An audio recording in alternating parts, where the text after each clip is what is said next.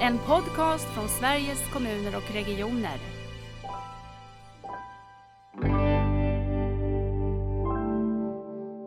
Eh, och de målbilderna har vi sedan använt genom hela arbetet. Vi har prövat våra förslag mot dem och vi redovisar också i betänkandet hur varje enskilt förslag hänger ihop med de här målbilderna det visade ju hur hon på eh, några veckor hade 14 olika sådana här kontakter och eh, skjutsades fram och tillbaka. Och här behöver man ju ha socialtjänst och hälso och sjukvård integrerade i samma bilar under samma tak och man behöver ha en rad olika insatser. Välkommen tillbaka till Nära vårdpodden, Anders Prins. Tack så mycket, roligt att vara här. Ja, men kul att du är här och vi träffades, jag tror det är ganska precis, eller drygt ett år sedan. Kan det vara så eller? När, när tillträdde du? Kan det vara där på senhösten 20. Just det. Eh, och då berättade du lite grann om eh, vilket uppdrag du hade fått och lite tankar kring det, men du pratade också ganska mycket om eh, ditt, dina tankar kring de här personernas behov framåt och så, varför du brinner för de här frågorna. Men alla har kanske inte hört den podden, så jag tänkte du kan väl ändå börja med att berätta lite vem du är och om dig själv. Jag heter Anders Prins och jag är ju särskild utredare för att se över samordning av insatser till personer som har eh, skadligt bruk, beroende och samtidigt en annan eh, psykiatrisk sjukdom. Och jag har i mitt yrkesliv haft mycket fokus på psykisk ohälsa på olika sätt. Jag har jobbat i psykiatrisk vård ganska länge, eh, både i barn och ungdomspsykiatri och i andra typer av eh, slutenvårdspsykiatri på 80 och 90-talet. Och efter det så utbildade jag mig till jurist och har sedan jobbat på en eh, handikapporganisation, RSMH, för personer med psykiska funktionsnedsättningar och jag har jobbat ganska länge i staten, i Socialstyrelsen och på Socialdepartementet. Så jag har jobbat tillsammans med dig på Vårdförbundet mm. där jag fortfarande är kvar som kanslichef. Just det. Eh, och nu är ni utlokaliserade för ni håller på att eh, fixa era lokaler och så. Jobbar du hemma helt eller? Nej, vi är ju utlokaliserade som du säger till Stora Essingen innan vi 6 december flyttar in i Vårdförbundets hus som ska bli en mötesplats för medarbetare som har sin arbetsplats där men inte minst medlemmar och förtroendevalda och eh, andra personer som vill diskutera och prata om vårdens framtid. Mm. Det ser jag fram emot att komma dit och prata om vårdens framtid. Det är ju så mycket spännande man kan eh, ha behov att prata om. Eh, men jag tänker att eh, du är ju här nu, för nu har ni ju också kommit med ert det blir ju inte slutbetänkande, men med ert huvudbetänkande får man väl kalla det, eller för ni har precis tidigare fått ett tilläggsuppdrag också till utredningen, men det blir något typ av huvudbetänkande. Ja, det får man nog säga. Jag tror att det i formell mening nu är ett delbetänkande eftersom mm. vi har tilläggsdirektivet och ska eh, lämna våra slutgiltiga förslag i början på 2023. Men det är ju i det betänkande som vi har lämnat nu som vi pekar ut eh, hur vi tycker att ansvarsfördelningen mellan huvudmännen ska vara och hur eh, det kan samlas eh, hos en huvudman på ett annat sätt än vad som är fallet idag. Och vi lämnar ju också förslag om hur eh, kommuner och regioner kan jobba tillsammans. Och förslag som handlar om att göra insatserna, särskilt för personer som är mest utsatta, mer lättillgängligare och Eh, vi pratar om lågtröskelverksamheter för mm. vissa grupper som eh, behöver eh, ha en annan typ av ingång till vården för att få sin hälsa tillgodosedd. Mm. Jag tänker att du ska få berätta om de förslag ni nu har lagt och så. Men jag tänker att jag skulle vilja börja i en annan ända. Jag, jag känner dig som en person som på riktigt är för det här med samskapande med invånare, patienter och brukare och eh, det här tjänst, som jag kallar ett tjänstelogiskt perspektiv eller det som handlar mer om att hur tjänsten utformas måste ske tillsammans med dem vi är till för. Tänker du också att du, du brinner för det eller är det bara någonting som jag har fått för mig? Jag tänker att jag också har lärt mig mer om sånt de senaste åren och där har ju ditt och mitt samarbete varit en del av det. Jag har mm. alltid haft ett intresse eh, för de maktfrågor som är ganska centrala när man pratar om insatser till mm. personer som har psykisk sjukdom, skadligt bruk och beroende och där det också handlar om vilken position man har i samhället och hur man eh, ses av andra det har jag alltid eh, tyckt är viktigt när man pratar om de här frågorna och det har jag också haft med mig när jag gjort den här utredningen. Mm. Jag vet att du sa sist när vi pratades vid i podden för ett år sedan, just att eh, den här utredningen handlar ju om formella saker som huvudmännens, eh, vem som har ansvar och så, men att det också till väldigt stor del handlar om synen på människan, synen på de här personerna som behöver de här tjänsterna och så. Mm. Jag tycker att, att, det är så spännande med din utredning, både de förslag som ni lägger, men också det sätt som du har valt att bedriva den här utredningen på, som jag skulle säga är ju banbrytande. Eh, du sökte kontakt med det som är Experio Lab och kom då också i kontakt med det vi kallar Hälsolab som är ett samarbete inom nära vårdhägnet på SKR med Experio Lab Sverige och eh, Linköping och Karlstad universitet. Eh, och undrade om, vi kunde, om du kunde använda på något sätt den kompetensen i din utredning. Kan inte du berätta lite om det arbetssättet? Hur du, och dels hur du funderade när du tänkte att så här kan man också bedriva en statlig utredning. Som du säger så är det ju eh, organisationen vi ska titta på. Det är ju, huvudmannaskapet är ju lite utav vår hetaste fråga. Hur huvudmannaskapet för personer med skadligt brukberoende och psykisk sjukdom kan samlas hos en huvudman. Eh, och då tänker jag att för att man ska se hur eh, en organisering fungerar idag, där vi har olika aktörer och olika huvudmän och olika insatser som ska hänga ihop med varandra, då måste man på något sätt ställa sig där den som behöver de här insatserna står. Mm. Eh, ställer man sig på andra sidan så kan man få jättemycket viktig information och det har ju vi gjort också. Vi har pratat väldigt mycket med personer som jobbar i verksamheterna.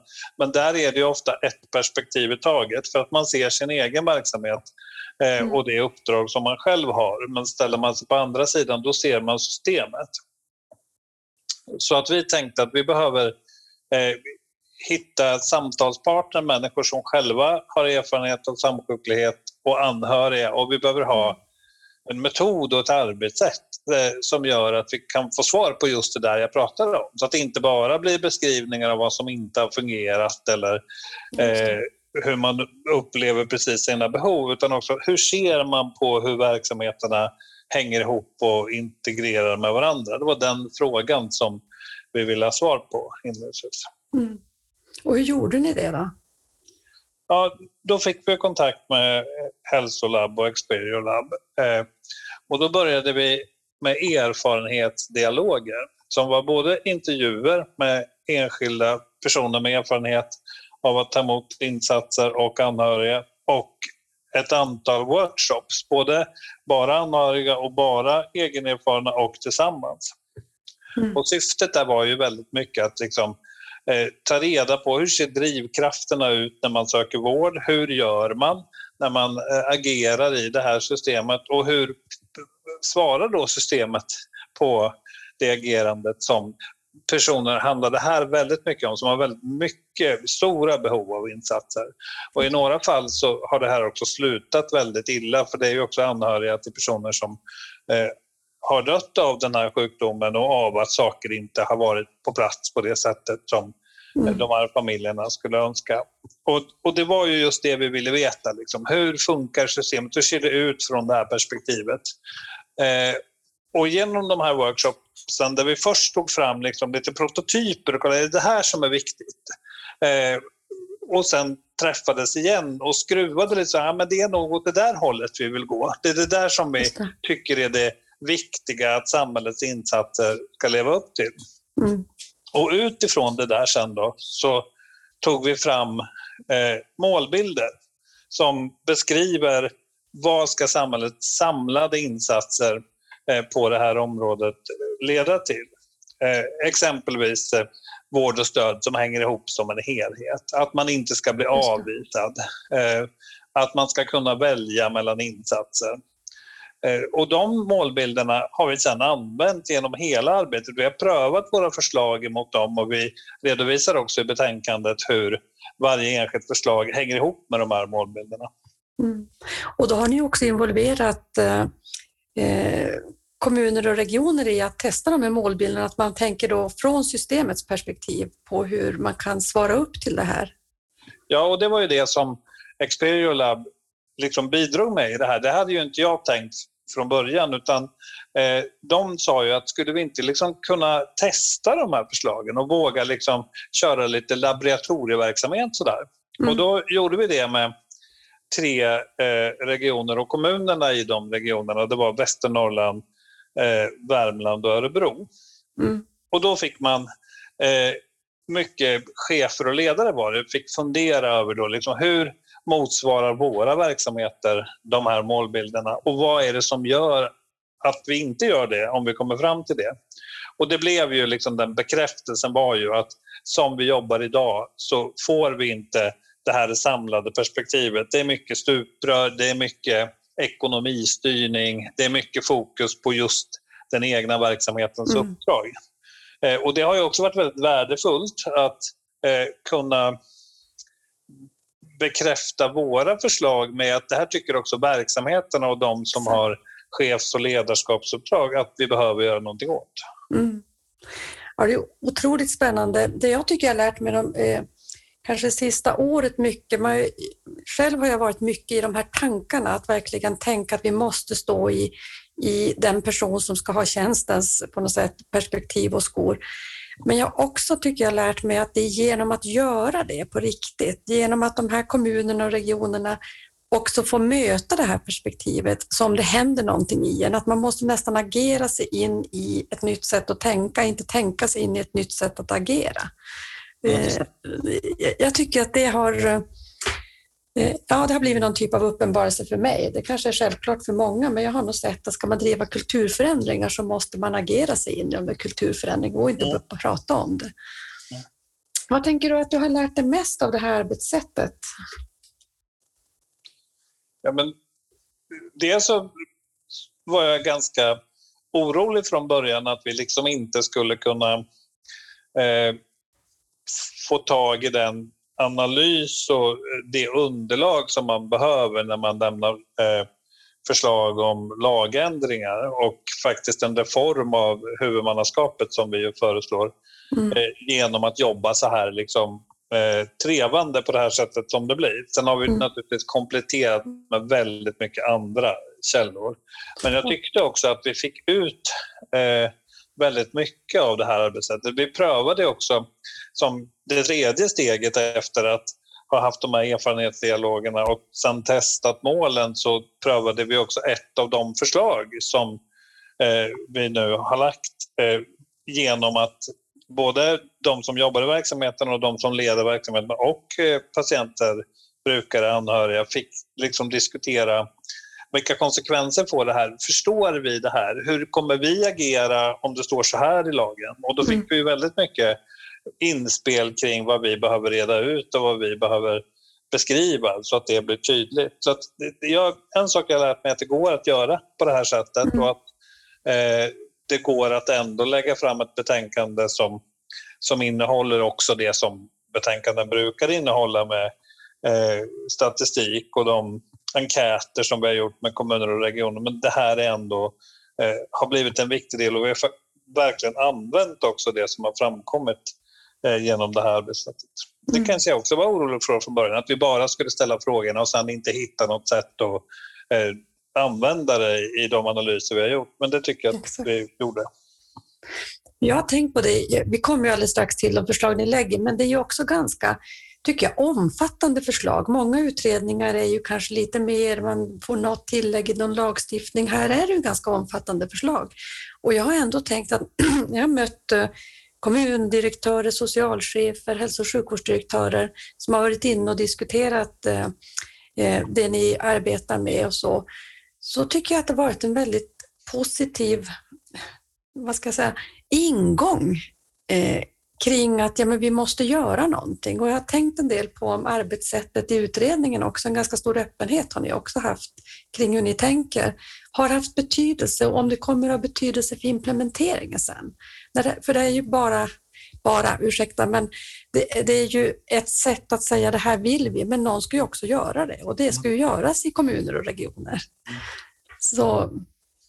Men jag tror det. Jag tror att eh, det här arbetssättet, vi har ju också gjort så att vi ganska tidigt, redan i februari, pekade ut en riktning. Vi tror mm. att det är på de här områdena vi kommer att lämna ungefär de här förslagen. Mm. Och så eh, uppmanade vi till att komma in med synpunkter och det har ju både privatpersoner och eh, främst personer som jobbar i verksamheten gjort. Och sen har jag alltid när jag varit ute och pratat haft med mig den inriktning som mm. vi har sagt att vi har. Sen i somras så la vi en ny version av det där och visade också hur vi hade eh, använt de synpunkter som hade kommit in så att man kunde se att de har påverkat på olika sätt. Mm. Eh, och sen har jag varit eh, genomgående öppen med inriktningen och tror att det är bra för att vi ska hamna rätt. För då mm. kan ju personer beskriva vad det här får för konsekvenser. Vi får en helt annan konsekvensbeskrivning än vi skulle fått annars. Har jobbat mycket med den också, konsekvensbeskrivningen. Okay. Eh, och jag tror att de samtal vi har haft är eh, bra eh, underlag för fortsättningen och också om det inte blir så som vi har föreslagit så tror jag ändå att det här har varit värdefullt. Mm. Innan vi går in på förslagen, bara kort, de som var med där från början, personerna som har egen erfarenhet av det här, både närstående och, och eh, personer som lever med de här, de här sjukdomarna, eh, har de fått någon återkoppling? Ja, dels har de fått eh, återkoppling på det sättet att de har varit med i de här utskicken. Mm. Och sen har vi haft eh, två särskilda tillfällen för återkoppling eh, och den sista var 26 november när vi eh, beskrev vart vi hade landat och vad det var förslag vi hade lämnat. Okay. Kändes det bra? Var de nöjda? Alltså, ja, det är, jag tänker att det är så här att när man har väldigt mycket erfarenhet eh, av saker som har fungerat väldigt, väldigt dåligt eh, under många, många år så är det också så att många av de personerna har bristande tillit. Eh, det är ingen som har sagt att det här är fel förslag, vi skulle vilja ha andra. Mm. Men jag tror att en del tänker att det kanske inte blir något den här gången heller mm. eller även om det blir något så kommer det inte liksom rinna ner i verksamheten i tillräcklig grad. Eller så. Sen har jag fått positiv återkoppling också men jag tror att man ska vara försiktig med att säga att, att liksom brukarna är nöjda för jag tror att eh, de ofta är rätt skeptiska till den här typen av utredningar, ofta på goda grunder. Men mm. det har varit bra dialoger. Mm. Ja, spännande. Eh, tack för att du vill berätta om det och för att du faktiskt tog lite lid i att göra det på det här sättet. Jag, jag kan säga att det görs en utvärdering av det här arbetssättet också. Det kommer att vara viktigt för många tror jag och vi ser ju också att också eh, Olivia Wigzells utredning om en ny äldreomsorgslag eh, kommer att samarbeta på det här sättet, så det har inspirerat flera också. Så ja, det är roligt om det är så. Mm. Men du, nu till förslagen. Berätta, vad är det som kommer att hända om ni fick, om ni får som ni vill? Vilka förslag lägger ni? Som jag har varit inne på så eh, har ju vi konstaterat att Eh, ansvarsfördelningen eh, som den ser ut idag verkligen inte är optimal. Den leder till eh, avvisningar och hänvisningar av personer som har skadligt brukberoende och samtidigt psykisk sjukdom. Den mm. leder till att huvudmännen ofta har svårt att få ihop det, särskilt om kostnadskrävande insatser. Och framför allt så leder den till att personer som kanske har bland de mest allvarliga psykiatriska problem vi kan tänka oss, eh, inkluderat psykossjukdomar och den typen av mm. allvarliga medicinska problem, inte får dem tillgodosedda därför att man eh, inte behandlar skadligt bruk, eh, beroende och psykiatrisk sjukdom samtidigt. Mm. Det låter lite hårt att säga att man inte gör det, för det finns det förstås exempel på, men jag tycker ändå att vi har väldigt mycket underlag för att säga att det här är verkligen en stor utmaning som vi behöver få till. Vi behöver få till ett hälsoperspektiv eh, som utgår ifrån att personer som har den här problematiken eh, behöver olika typer av hälsoinsatser med olika typer av kunskapsområden eh, som grund. Mm. Eh, och man behöver ha fokus både på somatisk och på psykiatrisk hälsa. Eh, och man behöver se det skadliga bruket och beroendet som en del av den psykiska hälsan och inte som något annat och inte som något som kopplar till den enskildes beteende. Så det har varit utgångspunkten. Liksom. Mm. Att det här är någonting som vi behöver förändra både när det gäller ansvar och när det gäller synsätt och värderingar. Mm. Ja, jag tänker du pratar om skadligt bruk och beroende. Jag vet att du också tycker att det är viktigt vad vi använder för, för språk när vi beskriver det här. Ja, jag tänker att det är viktigt att eh, vi kommer bort från begrepp som är stigmatiserande och som fokuserar väldigt mycket på den enskildes beteende. Så vi har ju valt att i betänkandet använda skadligt bruk och beroende som jag tycker är värdeneutrala och sakliga begrepp och vi använder inte eh, missbruk och missbrukare om vi inte citerar lagtext eller eh, andra underlag på olika sätt. Mm. Och vi föreslår också att det är de begreppen som ska användas i hälso och sjukvårdslagen och socialtjänstlagen och andra författningar på hälso och sjukvården och socialtjänstens område. Just det. En av de viktigaste uppdragen ni hade i direktivet det var ju att lägga förslag på en huvudman. Eh, hur blir det då? Jo, vi föreslår ju att eh, all behandling av skadligt bruk och beroende ska vara en fråga för regionernas hälso och sjukvård. Mm. Eh, och det finns ett huvudargument och några ytterligare argument för det. Och huvudargumentet är det jag precis sa. Vi behöver ha ett hälsoperspektiv på de här mm. frågorna. Eh, personer som har eh, de här problemen behöver eh, få eh, utredning, diagnos. Det behöver ske samordnat. Eh, man måste få behandling för den psykiatriska och kanske också somatiska ohälsan samtidigt som man får behandling för skadligt bruk och beroende.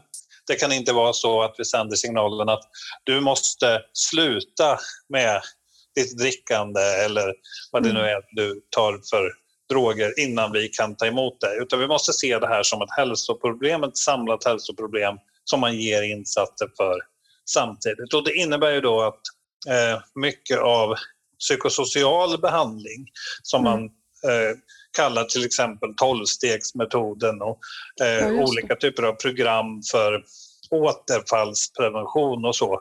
Det kommer eh, inte som ofta idag vara kommunens uppdrag utan det kommer att vara hälso och sjukvårdens uppdrag. Så på det sättet då samlar vi ansvaret för behandling av skadligt bruk och beroende hos en huvudman och det gäller ju då hela det vi idag kallar missbruks och beroendevården och inte bara insatser till personer med samsjuklighet.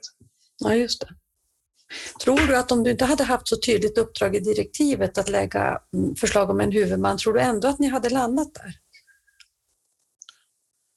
Ja, jag, tror, jag tycker inte att det här är en alldeles enkel fråga därför att jag tror att det kommer att ta ganska lång tid och krävas eh, också mycket förändrade arbetssätt av regionernas hälso och sjukvård. Mm. Och vi har ju mött mycket erfarenheter av just det här att man inte behandlar psykiatrisk vård samtidigt. Mm. Eh, men ändå så tycker jag att eh, det är eh, märkligt att tänka sig att man inte just den här eh, diagnosen ska inte behandlas av hälso och sjukvården utan av socialtjänsten som ju har ett extremt eh, viktigt uppdrag eh, med insatser till de här personerna som jag hoppas att jag får återkomma till. Men när det gäller behandling eh, och insatser som är hälso och sjukvård, då tycker jag att det är orimligt att det inte sker av hälso och sjukvården. Och argumenten är ju just att det är viktigt att behandla eh, olika typer av psykiatriska tillstånd samordnat men mm. också att vi tänker att det finns större förutsättningar för regionerna att erbjuda fler evidensbaserade insatser, samtidigt bedriva forskning och systematisk uppföljning av de insatser man ger. Och man har ju eh, en kader av legitimerad hälso och sjukvårdspersonal mm. som är viktiga utifrån olika kunskapsområden för att kunna göra rätt utredningar, sätta rätt diagnos och eh, ge rätt behandling. Mm. Och det låter så viktigt också att tänka att vi inte separerar den somatiska sjukligheten från den, den psykiska ohälsan som vi ändå fortfarande också gör både i, region, alltså i regionens egen hängd. Så det kan ju vara en viktig del också för utvecklingen av hälso och sjukvård i stort. Och vi lägger också ett, ett lagförslag som jag tror att det finns de som kommer att tycka är alldeles för detaljerat. Eh, men vi föreskriver ju att eh, man ska behandla eh, alla psykiatriska tillstånd samordnat och att det ska framgå mm. av både hälso och sjukvårdslagen och patientlagen. Och det beror ju just på det här att vi har sett att det är en förutsättning att det är en huvudman som ansvarar för behandlingen. Det är nödvändigt, men det är inte tillräckligt. Utan vi har ju också konstaterat att det behövs en stor förändring i regionernas hälso och sjukvård. Och vi tycker att eh, bristerna är så stora så att det måste uttryckas i lagstiftningen att man ska samordna de här insatserna. Mm. I hälso och sjukvårdslagen då så blir det en, en... Och i patientlagen. Och i patientlagen, just det. Om du skulle säga något mer, vad blir kommunernas, vad, vad blir kommunernas socialtjänstens roll då? För det är ju fortfarande ett samordnat eller ett samverkansansvar man har för de här personerna, tänker jag. Mm. Verkligen. Eh, om man tänker hela gruppen personer med samsjuklighet, då är det en ganska stor grupp och det är ganska många där som inte har behov av socialtjänstinsatser. Man kanske arbetar och har depression och eh, eh ett alkoholberoende. Mm. Men för personer som också har eh, stora sociala behov, då är ju socialtjänstens insatser och det sociala arbetet avgörande. Och jag tycker att lika mycket som vi pekar på att hälso och sjukvården ska ta ansvar för all behandling så pekar vi också på eh, att det sociala arbetet ska fokusera på sitt huvuduppdrag och på sitt eh, kärnuppdrag. Eh, och vi pekar på att det är fyra olika områden där vi tycker att socialtjänsten eh, har en avgörande roll för personer med skadligt bruk och beroende. Och det är det uppsökande och förebyggande arbetet. Det. det. är insatser för att eh, enskilda ska kunna utveckla sina resurser, kunna leva ett självständigt liv. Där ingår ju insatser i boende och sysselsättning. Det ingår olika typer av program för, som man kan använda för att liksom utveckla funktioner på olika områden. Skapa struktur i vardagen. Det tredje området är stöd till anhöriga som vi också tycker ska eh, framgå av lagen att den här målgruppen, mm. personer med skadligt bruk och beroende, är också en målgrupp vars anhöriga ska eh, få stöd av socialtjänsten. Och det mm. fjärde området är ju det centrala uppdrag som socialtjänsten har för barn och ungas uppväxtförhållande och där är ju eh, skadligt bruk och beroende en del men det är ofta en integrerad del av många andra insatser på många andra livsområden som socialtjänsten är viktig för barn och unga och familjer. Mm. Det här med närstående, är det någonting som blir nytt i och med det ni nu föreslår? Så tydligt med närstående. Jag är lite för okunnig på socialtjänstlagen för att veta. Eh, det är så här att dels så skriver vi om att det är viktigt att även hälso och sjukvården uppmärksammar anhöriga och vi ger exempel på sådana metoder som är evidensbaserade mm. och eh, rekommenderas i nationella riktlinjer. Sen konstaterar vi att det är ändå så, och det är inte vi de första att konstatera, att eh, uppdraget för regionernas hälso och sjukvård eh, till anhöriga oavsett eh, vad det är för problematik. Det kan mm. också gälla somatisk sjukdom. Det är lite otydligt och mm. inte så tydligt reglerat och det där skulle man behöva titta mer på. Mm. Men sen är det så att socialtjänsten, det finns ganska mycket goda exempel på stöd till anhöriga eh, också till personer som har skadligt bruk och beroende. Eh, och jag tror att många kommuner upplever att det här är en målgrupp som man ger och ska ge insatser till och det framgår också av förarbeten. Det. Men det är ändå viktigt att eh, peka ut i lagstiftningen att det här är en målgrupp som far väldigt illa. CAN gjorde ju en studie förra året, som, eller om det till och med var i våras, som visade på en utbredd ohälsa hos anhöriga till personer med skadligt bruk och beroende. Så det är viktigt att den målgruppen, liksom andra målgrupper, eh, hittas i lagstiftningen. Och det är ju också ett sätt att eh, liksom sätta ljuset på att det här är ett område eh, som är viktigt att samhället ger stöd mm. inom. Det låter otroligt viktigt tycker jag.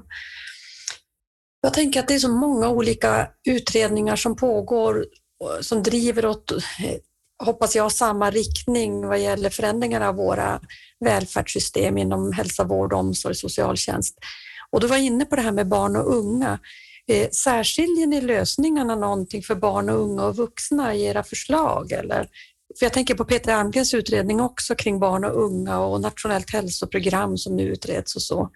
Eh, hur får man ihop det här?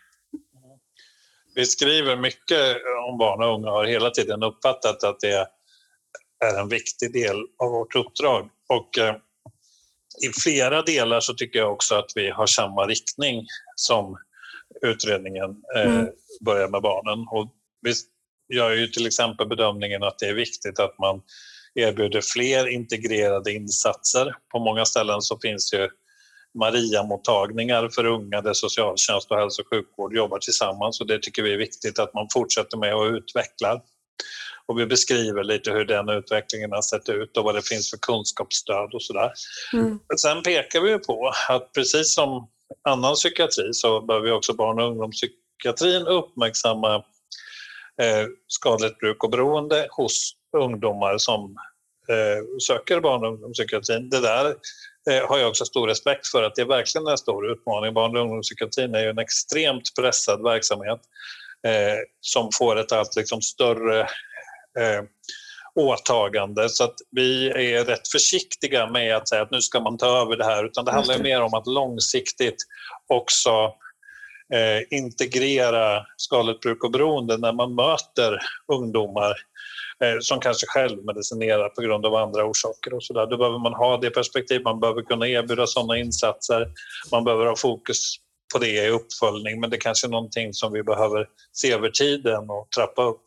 Mm. Sen lägger vi ett förslag som jag också hoppas att jag får säga någonting om som handlar om att hälso och sjukvården och regionernas hälso och sjukvård måste ta ansvar för hälso och sjukvårdsinsatserna på HVB-hem. Där är det ju eh, i hög grad också ungdomar som placeras enligt socialtjänstlagen eh, i sådana verksamheter som far väldigt illa ofta.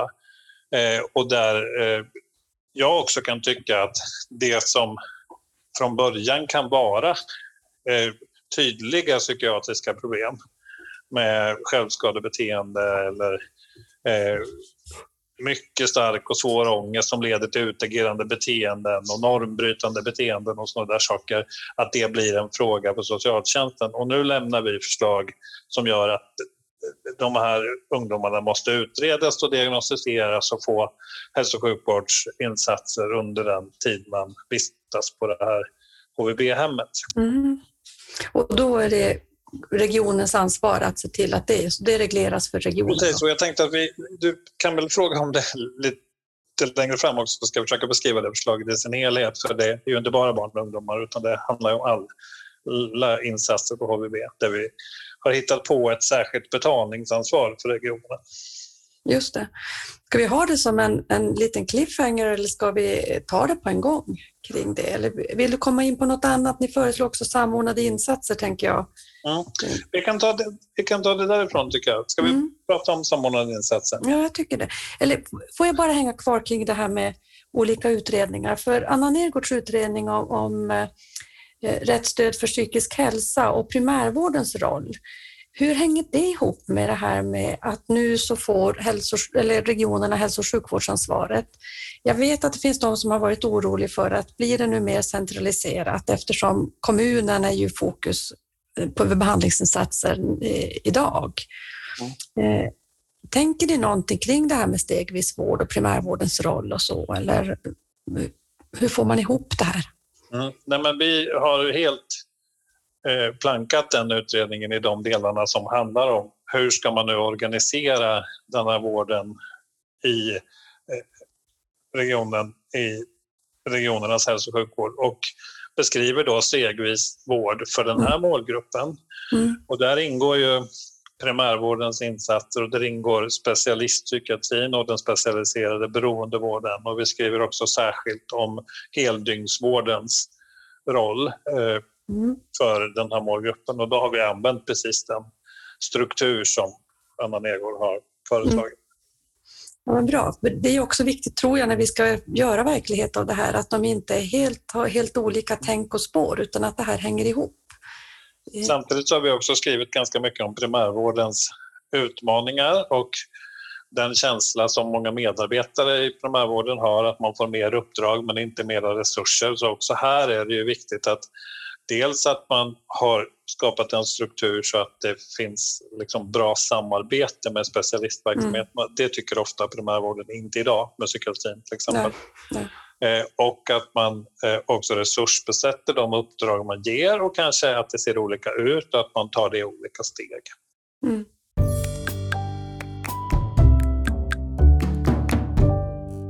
Den här samordnade verksamheten som ni föreslår, berätta om den.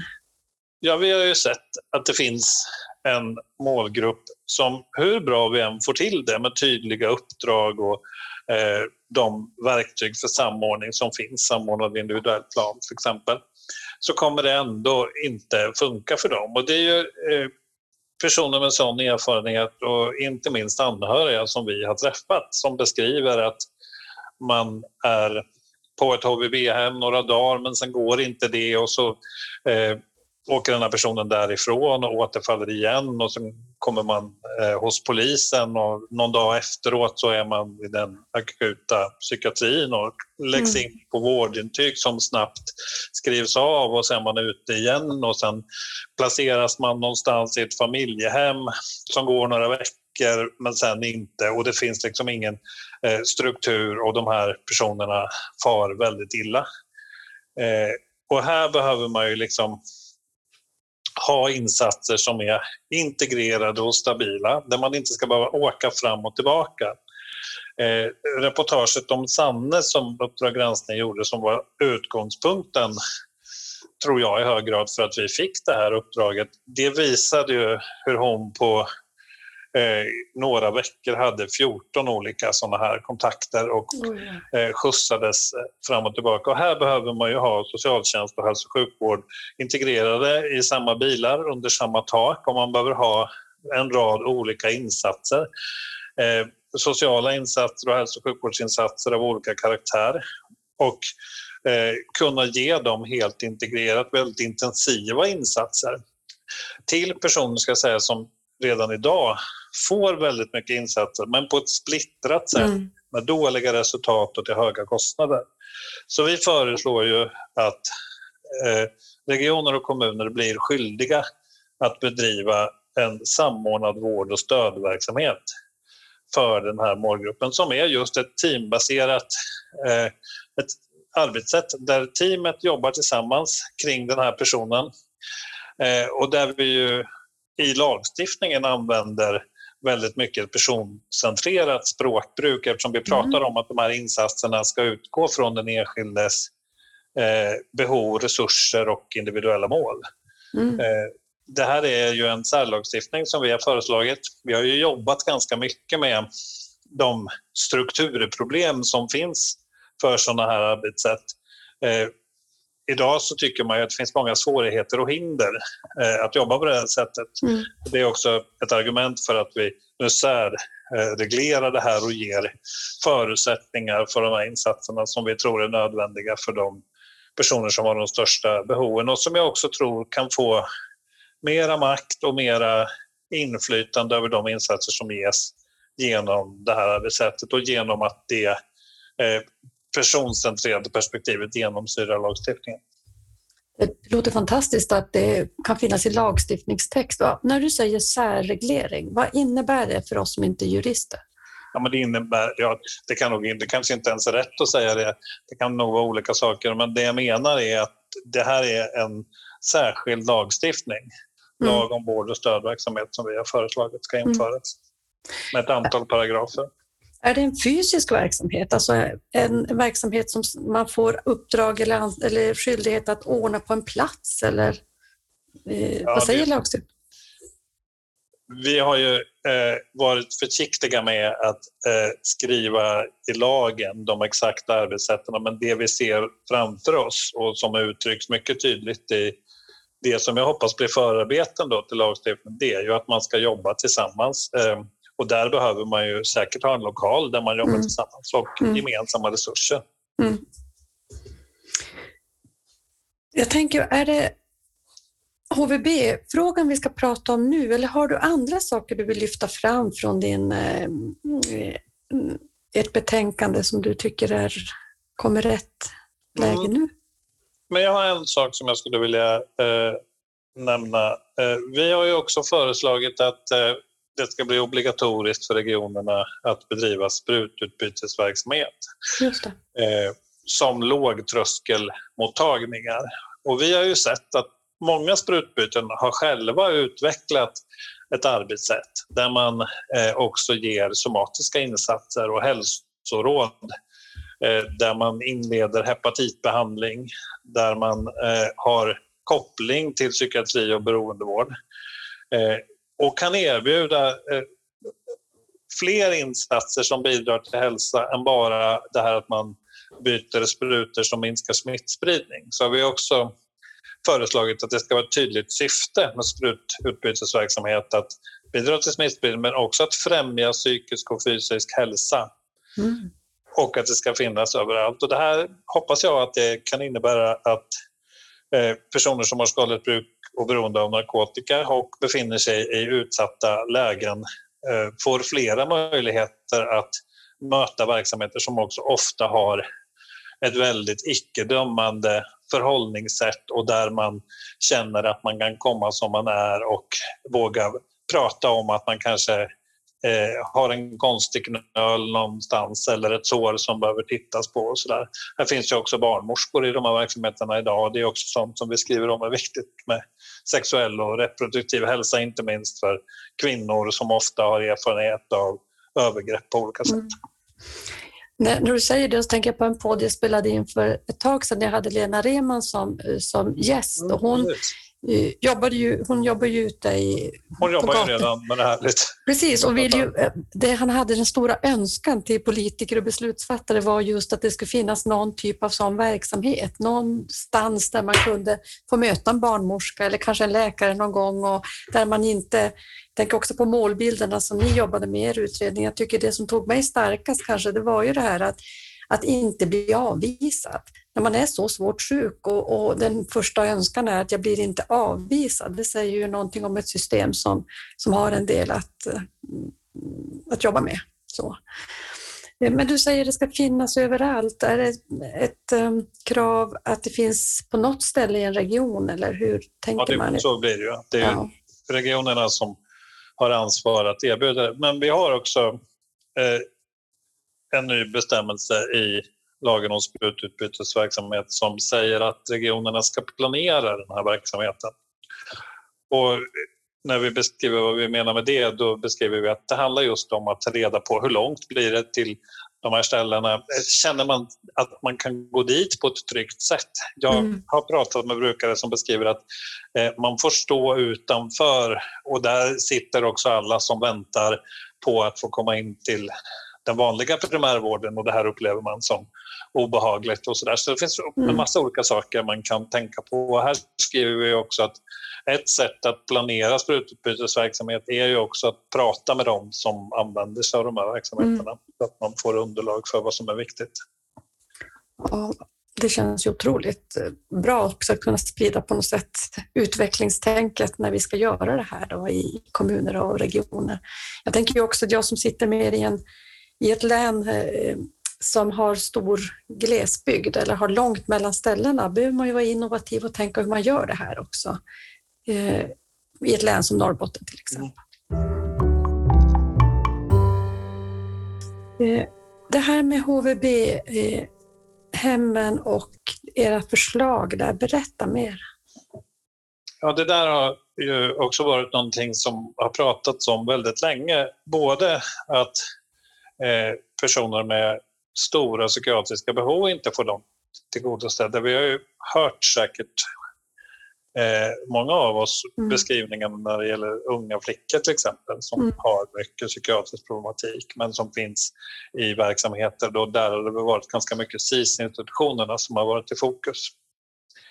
Eh, det vi eh, har föreslagit nu det är att det kan inte längre vara så här att man inte planerar och beslutar om hur hälso och sjukvårdsbehoven ska tillgodoses hos personer som har väldigt stora sådana behov som befinner sig på HVB-hem. Eh, vi tycker att det ska vara en fortsatt socialtjänstinsats och det gör vi för att vi har tagit in underlag som visar att det är väldigt mycket socialtjänstinsatser man bedriver. Det handlar väldigt mycket om struktur på vardagen och att eh, integrera med andra människor och att träna på arbete och boende och sysselsättning och sådana saker. Mm. Eh, det är också ofta så att själva boendet är väldigt centralt för att man har befunnit sig i en situation på sin hemort där man är så utsatt så att det måste lösas med att man kommer därifrån. Så det är en huvudsakligen socialtjänstinsats men samtidigt har många personer som eh, befinner sig på de här hemmen också stora hälso och sjukvårdsbehov. Mm. Då har vi dels beskrivit i lagstiftning att, eller reglerat att det är hälso och sjukvården, regionernas hälso och sjukvård, som är ansvariga för det här. Eh, och när kommunen har beslutat om en sån här placering ska man kalla till en samordnad individuell planering. Just det. Inom ramen för den ska regionernas hälso och sjukvård eh, planera hälso och sjukvårdsinsatserna och beskriva hur de ska utföras. Mm. Eh, och har man inte gjort det inom två veckor så eh, kommer man ha ett betalningsansvar som motsvarar 40 procent av genomsnittskostnaden för en sån här placering. Vi hoppas att det inte ska användas. Ehm, vi vill skapa ett incitament för regionerna att vara med och ta ansvar för innehållet i vården. Och det kan man ju göra genom att komma överens om hur det ska tillgodoses och göra mm. gemensamma upphandlingar till exempel.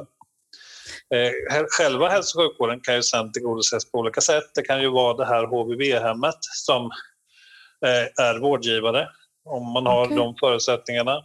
Men det kan ju också vara eh, regionen eh, där det här hemmet är placerat eller den region som placerar. Men mm. syftet är ju att hitta gemensamma lösningar och nu har vi väldigt mycket underlag att eh, man inte gör det och det är det som det här ska leda till, att man tar ett gemensamt ansvar. Vilken region får då betalningsansvaret? Den som personen den, har sitt fasta boende? bor som har mm det ansvaret precis som för alla andra medborgare. Liksom. Mm. Eh, det är en spegling av lagen om utskrivningsklara, ett mm, tänk därifrån. Mm. Mm. Just det. Mycket tänk därifrån. Mm. Jag tycker ni har hunnit väldigt mycket på, på det här året. Är det mer saker som du vill lyfta från era förslag? Vi har också skrivit om kunskap om stigmatisering och brukarinflytande och sådana saker. Men jag ser det här som en reform eh, med stora förändringar som vi föreslår och den innehåller ju det renodlade ansvaret för huvudmännen. Eh, där eh, regionerna får ansvar för behandling och socialtjänsten ett fortsatt eh, och förtydligat ansvar för sociala insatser. Det innehåller den här samordningsfunktionen som alla ska bedriva. Eh, det innehåller att den eh, psykiatriska vården också för det skadliga bruket och beroende ska ges samordnat och den innehåller eh, sprututbytesverksamhet som jobbar eh, lite vårdcentralsinriktat och som kan öka hälsan hos en grupp med stor, stor överdödlighet och stor ohälsa. Mm. Det är ju liksom innehållet i reformen och den här HVB-delen är också en del av det. Mm. När vi träffades förra gången i podden då pratade du också om, om styrning och ledningsperspektivet och, och också ekonomi. Är ni inne mycket på HVB-delen är ju en ekonomisk del. Jag tänker på det här med att eh, huvudmännen, att regionerna tar över hälso och sjukvårdsansvaret och hur ser ni på, på finansieringsfrågorna? Ja, vi har, som jag sa förut så har vi ägnat ganska mycket åt eh, konsekvenserna och jag tycker att det här arbetssättet vi har haft, att vi har varit ute så mycket i kommuner och regioner har gjort att vi också har haft ett underlag för det. Mm. Eh, annars är det väldigt svårt att beskriva kostnader för eh, samhällets insats till personer med skadligt bruk och beroende. Kommunerna räknar på olika sätt och eh, det är också svårt att veta vad det är faktiskt för insatser man ges och sådär. Men vi har mm. ändå eh, ägnat mycket tid åt det som sagt och kommit fram till att det här är ju en överföring av ansvar. Mm. Eh, och till det ska det också då följa pengar. Mm. Och vi beskriver att vi tror att man behöver göra en skatteväxling där det förs över resurser från kommunerna till regionerna. Eh, det tror vi därför att det här ser så olika ut som jag sa. Så man behöver mm. nog göra det här lokalt och regionalt och titta vad är det för just resurser som ska föras över här för man jobbar ju på olika sätt. Mm. Eh, det är ju liksom inte alla som har specialiserad beroendevård och kommunerna har väldigt mycket olika insatser och sådär. Eh, det där med skatteväxling är ju dock väldigt krångligt. Mm. Så att vi skriver också att det där kan ju bli en fortsatt dialog mellan kommuner, regioner och staten om hur den överföringen ska ske. Sen har vi också gjort en samhällsekonomisk analys på den här samordnade vård och stödverksamheten. Eh, vi tycker inte att det är ett nytt åtagande för de insatser som ska ges här, det är de insatser man redan har ansvar för utan vi föreslår ju en organisation för det bara. Mm. Men vi konstaterar att här kan eh, det här väldigt lätt eh, motiveras samhällsekonomiskt. Dels kan det vara så att man till och med kan se intäkter genom minskad slutenvård eller minskade kriminalvårdsinsatser och sådana saker. Men man brukar också jämföra kostnader med vad man vinner i livskvalitet. Och så mm. gör man ju till exempel när man bestämmer vilka läkemedel som ska eh, sättas ut på marknaden. Och då har vi fört ett liknande resonemang om de här eh, samordnade vård och stödverksamheterna. Och där konstaterar vi att där kan ju staten överväga med stöd av eh, den samhällsekonomiska analysen att ja. trots att det inte är ett nytt åtagande mm. också lägga in mera eh, medel. Mm.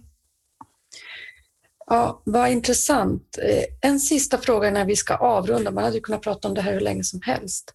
Men sista fråga, föreslår ni någonting kring implementeringsinsatser eller hur ska det här nu gå till? Mm. Eh, har ni några tankar där?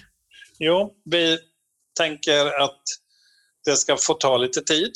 Så att vi tänker att det ska vara två år från beslut till ikraftträdande. Och vi tänker en stödstruktur som pågår fem år, två år innan och tre år efter. Mm.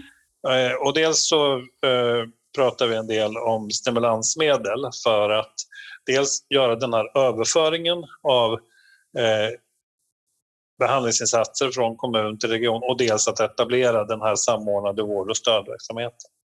Och så vill vi ha en nationell struktur. Eh, och där har ju vi, eh, där så skriver vi faktiskt lite grann om de olika alternativen och hur vi har vägt dem mot varandra och konstaterar att den modellen med överenskommelser med SKR har ju fått ganska mycket kritik mm. och att det kan ligga någonting i den kritiken att det är en organisation som eh, liksom får ett myndighetsliknande uppdrag utan att samma krav på insyn och så finns. Men sen landar vi ändå i att vi tänker att det här är väldigt mycket organisation och den typen av strukturer. Och vi tycker att SKR har ju ett arbete, det som du gör men också det som görs på just beroende och psykiatriområdet mm. där man har jobbat mycket med utveckling och stöd. Eh, så vi tror att det lämpliga är att man eh, hanterar det här nationella stödet i en överenskommelse mellan staten och SKR. Mm. Ha, vad, himla intressant och viktigt det här känns. Eh, det ska bli väldigt spännande att se hur det här tas emot av, av våra folkvalda och vad det blir för propositioner på det. Eh, jag tänker att det ni har gjort hittills också har spelat roll redan, redan nu. Det är också intressant med det sättet ni har bedrivit utredningen. Mm. Att allting handlar ju inte om när någonting lämnas och när någonting lagstiftas. Det handlar ju om ett sätt att börja se på verksamheter. Eh, och på det sättet förändras vi ju successivt också i vårt sätt att se på vårt hälso och sjukvårdssystem, tänker jag. Mm. Som också spelar stor roll för hela nära vårdsatsningen. Eh, hela det angreppssättet och sättet du beskriver och den här tilläggs eller speciallagstiftningen med ett personcentrerat förhållningssätt och så. Jag, jag tänker att det bidrar till mycket. Eh, vi ska avsluta, för vi har pratat i, i en timme om det här. Det skulle vi inte. Men det skulle vi ju inte, precis. Vi sa nu gör vi en liten kortare eh, del, men eh, det känns ju helt relevant att vi har gjort det. Eh, så jag avslutar ändå med att fråga det här med nära. När du nu har jobbat med det här, vad, vad tänker du nära är i de här satsningarna som ni nu föreslår? Men det jag tänker mest på som nära, då är det nog den här samordnade vård och stödverksamheten. Den tror jag ju väldigt mycket på. Jag tycker verkligen vi har starkt stöd för att eh, genomföra den och där är ju olika professioner nära varandra. Eh, och man är också nära deltagaren som vi kallar personer i den här verksamheten. Eh, så man blir som ett litet team eh, som kan eh, bedriva insatser tillsammans. Det tycker jag är nära. Mm. Stort tack och också lycka till med ert fortsatta arbete när ni ska lämna förslag på eh, gemensam lagstiftning för eh, vård av, nu heter det missbrukare idag, men det kanske ska heta något annat fram och lagen om psykiatrisk tvångsvård. Man kan säga att det är för eh, när vård sker utan samtycke för skadligt bruk och beroende. Just det, precis. Tack så jättemycket Anders. Ja. Tack själv Lisbeth.